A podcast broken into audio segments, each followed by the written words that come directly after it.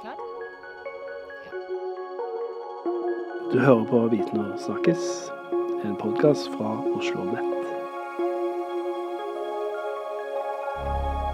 Velkommen til en spesialpod. eh, En ekstrasending om stormingen av regjeringskvartalet i Brasilia i Brasil. Jeg heter Jeff Lugau og er programleder for dagens podkast.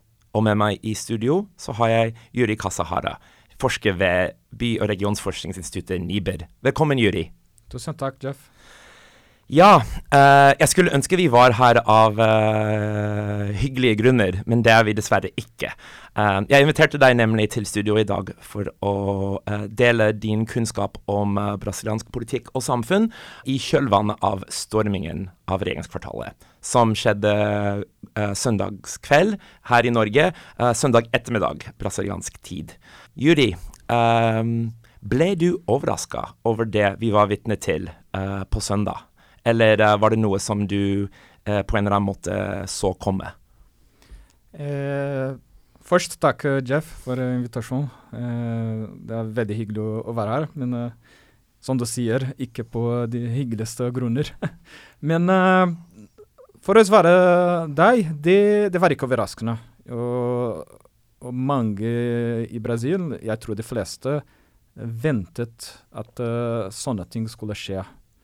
Fordi siden oktober, når Lula vant valg og Bolsonaro tapte, mange av Bolsonaro-tilhengerne har eh, demonstrert mot valg valgresultat og har eh, teltet rundt militæranlegget rundt omkring i landet.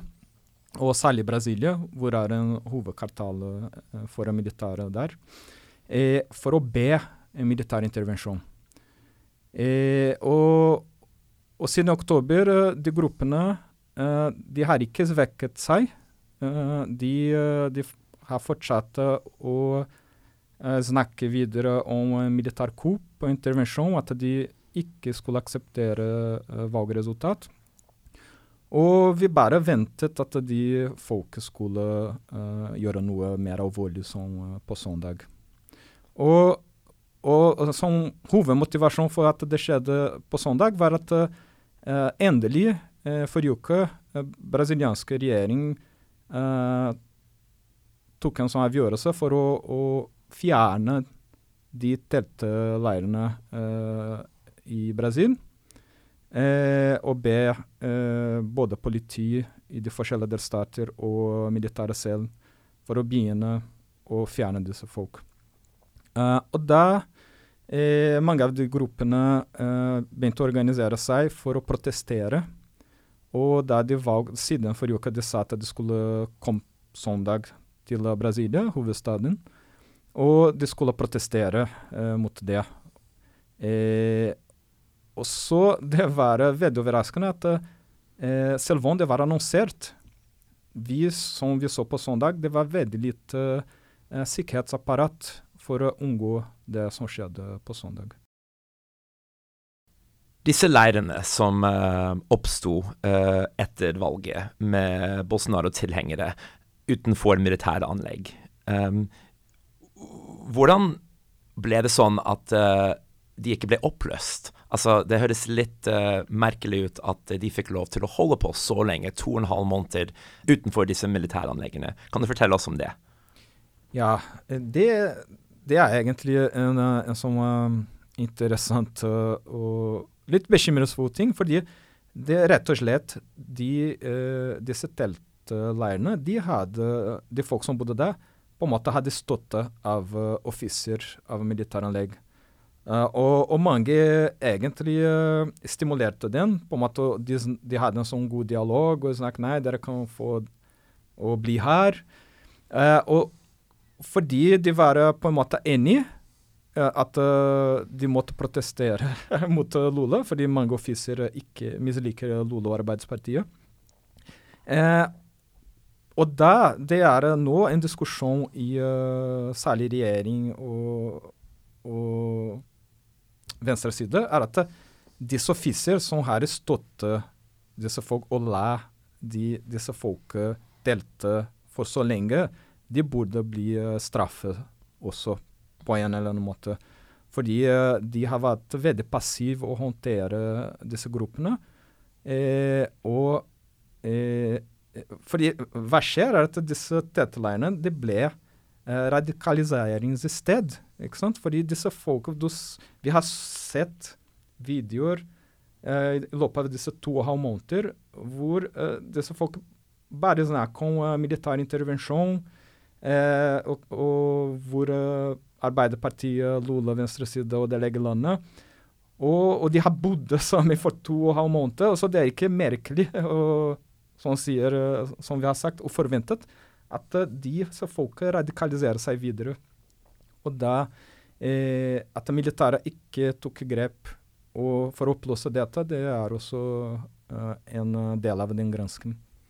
Jeg har lyst til å uh, stoppe opp og spørre deg om dette med uh, et uh, potensielt eller et eventuelt militærkupp, eller intervensjon av militæret.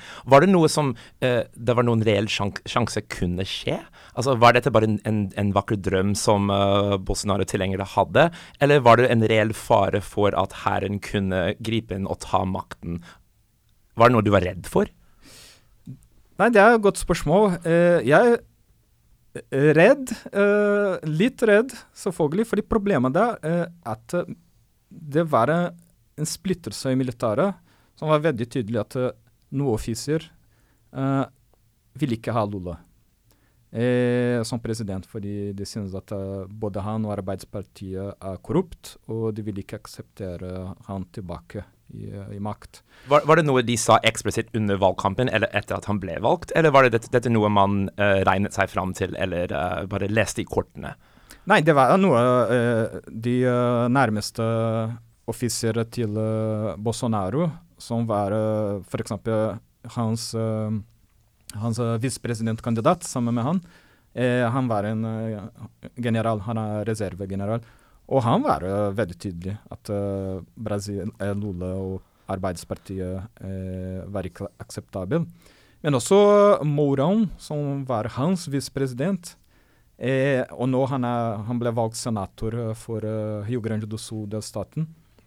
Han, på en tweet Uh, etter valget, når uh, disse uh, Bolsonaro-tilhengerne begynte å, å, be en sånn militær intervensjon, de skrev veldig tydelig at nei, jeg skjønner at dere er misfornøyde, men vi kan ikke gjøre noe fordi Ikke fordi det er demokrati og sånn er det, men fordi vi har ikke internasjonal støtte. Og han skrev det på Twitter. Wow. Og han sa nei, det, det, hvis vi gjør noe slik, en sånn militær intervensjon, så vi skal ikke ha noe inter internasjonal støtte, og vi skal ha mange sanksjoner som skal bli negative til landet. Så uh, det er veldig interessant å tenke deg at uh, egentlig det var veldig viktig at uh, både USA og Europa har vært veldig tydelig fra begynnelsen at vi skal akseptere valgresultatet i Brasil, og vi skal ikke akseptere noe militær intervensjon eller militær kupp Tilbake til uh, søndagens hendelser. Uh, hvor godt planlagt var uh, stormingen? Um, jeg, jeg, skjønner at vi er fortsatt i en veldig tidlig fase av etterforskningen. Men hva kan vi si om ja, hvorvidt dette var en, en, planlagt storming versus noe som var mer spontant? Ja, det er, det er en sånn godt spørsmål. Som du sier, det, det, det er en gransking som pågår nå. men vi, vi kan se og vi vet at det var en god del av organisasjonen, siden f.eks. Eh, de folket som var der på søndag, de ble busset inn. Og det var ca. 150 busser som tok uh, de uh, opptøyene, de, de protestene, de Bolsonaros-tilhengerne til regjeringskvartalet. Det er mange busser. 150 busser. Og det, det er ikke gratis. ikke sant? Noe må ha betalt for det. Eh, folk organiserte seg uh, uh, gjennom sosiale medier. Også i tillegg uh, det kommer noe nyheter nå også fra Brasil, at det var andre angrep rundt omkring i landet. F.eks. veisperring av noen veier. Motorveier og også ødeleggelse av uh, strømtårnene for å forstyrre strømforsyningen til landet. Så det var en uh, mye større uh, angrep, ikke bare en eh, opprør som eh, går ut av kontroll i Brasilia, men det var andre ting som skjedde rundt i landet på den søndagen som går i etterforskning og påpeker på en eh, større eh, organisasjon. Mhm. Hva var reaksjonen, og hva, hva, har reaksjonen vært i Brasil? Og, og, nå tenker jeg både de som støtter og stemte på uh, Lula de Silva, men også eventuelt uh, Bolsonaro-velgere.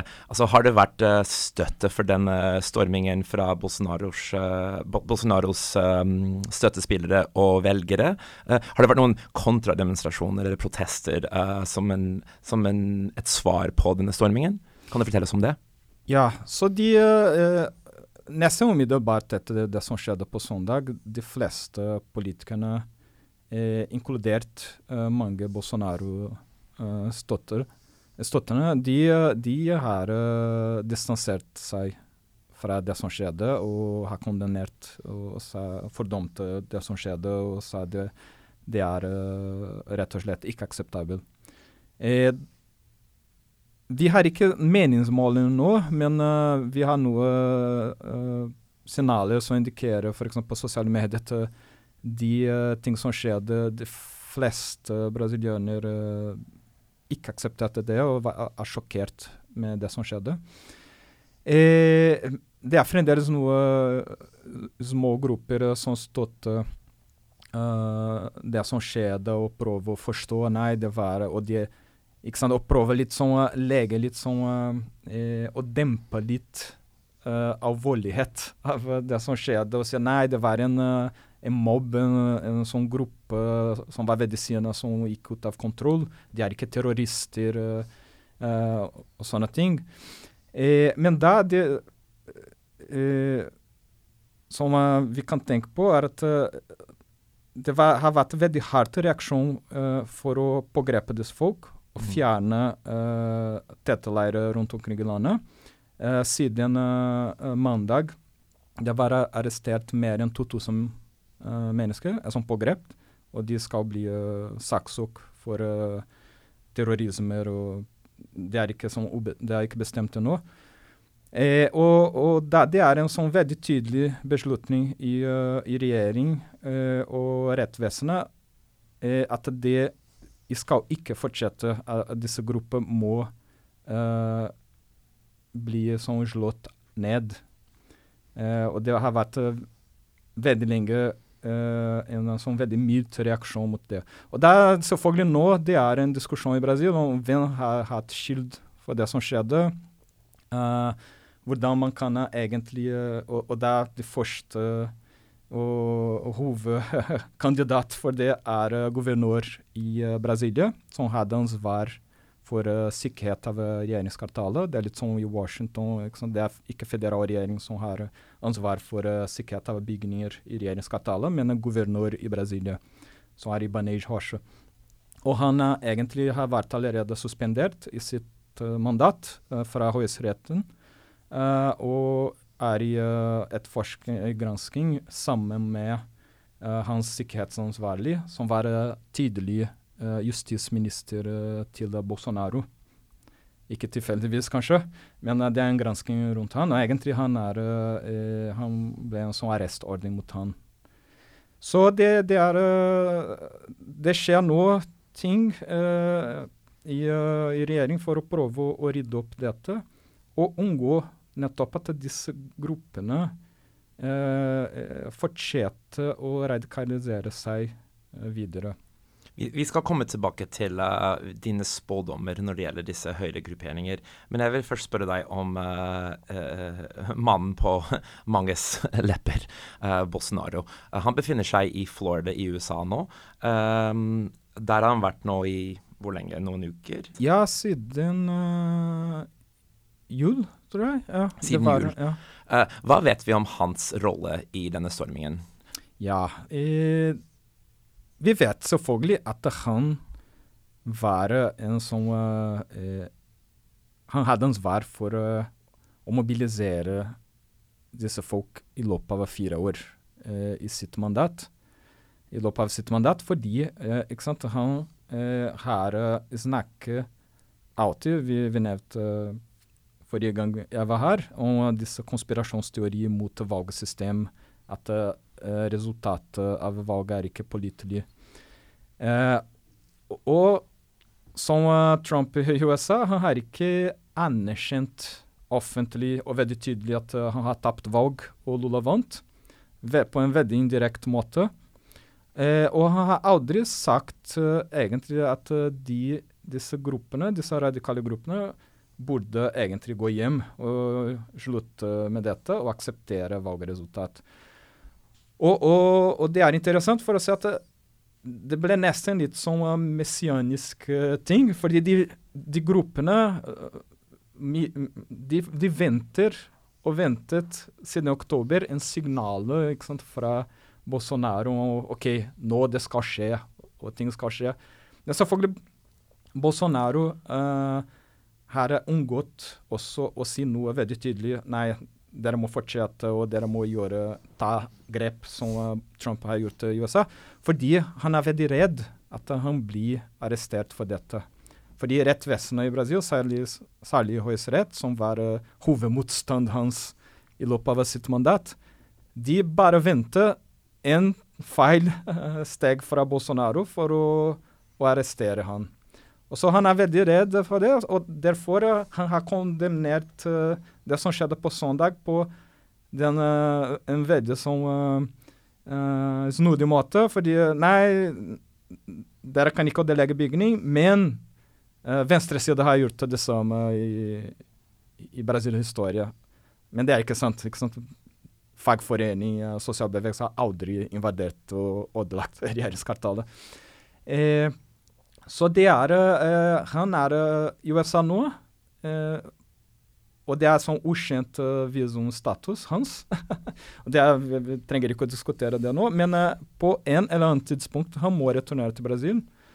Og da Jeg tror nå det skal bli mange folk som ville satt han under etterforskning. Mm. og hva er, hva er egentlig hans rolle, og at han har kommunisert med uh, ledes av disse gruppene, eller uh, med forretningsmann som sannsynligvis finansierer disse gruppene.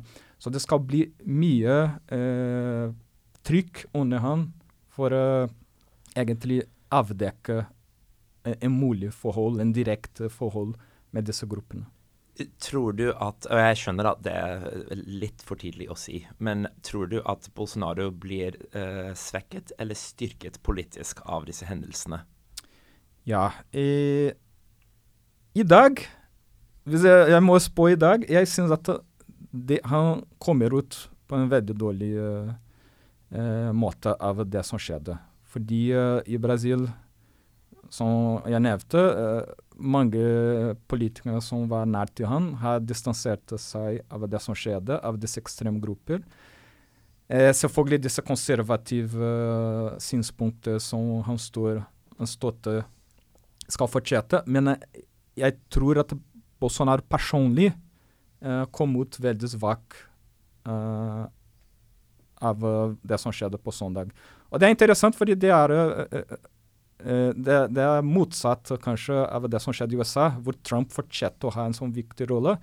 Men jeg tror at Bolsonaro nå han skal ha veldig få venner i brasiliansk politikk, eh, og, og gjøre det vanskelig for en sånn politisk comeback.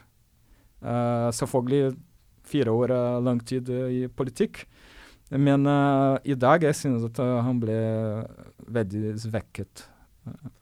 I, I, vår for, forrige samtale før valget så snakket vi om hvor polarisert det brasilianske samfunnet har blitt. hvordan ser du på uh, eh, polariseringen framover. Kan den, disse hendelsene paradoksalt nok føre til en, et mindre polarisert Brasil? Eller er du ikke så optimistisk?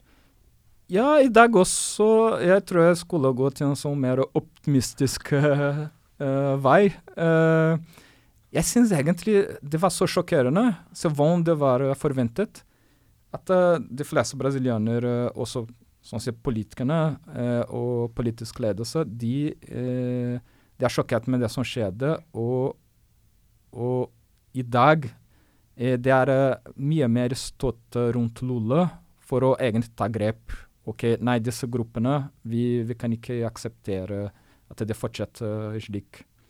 Og da er det på en måte også i befolkningen uh, Mange er uh, Selv om de misliker Lula, men de vil ikke akseptere en slik uh, vold som politisk aksjon.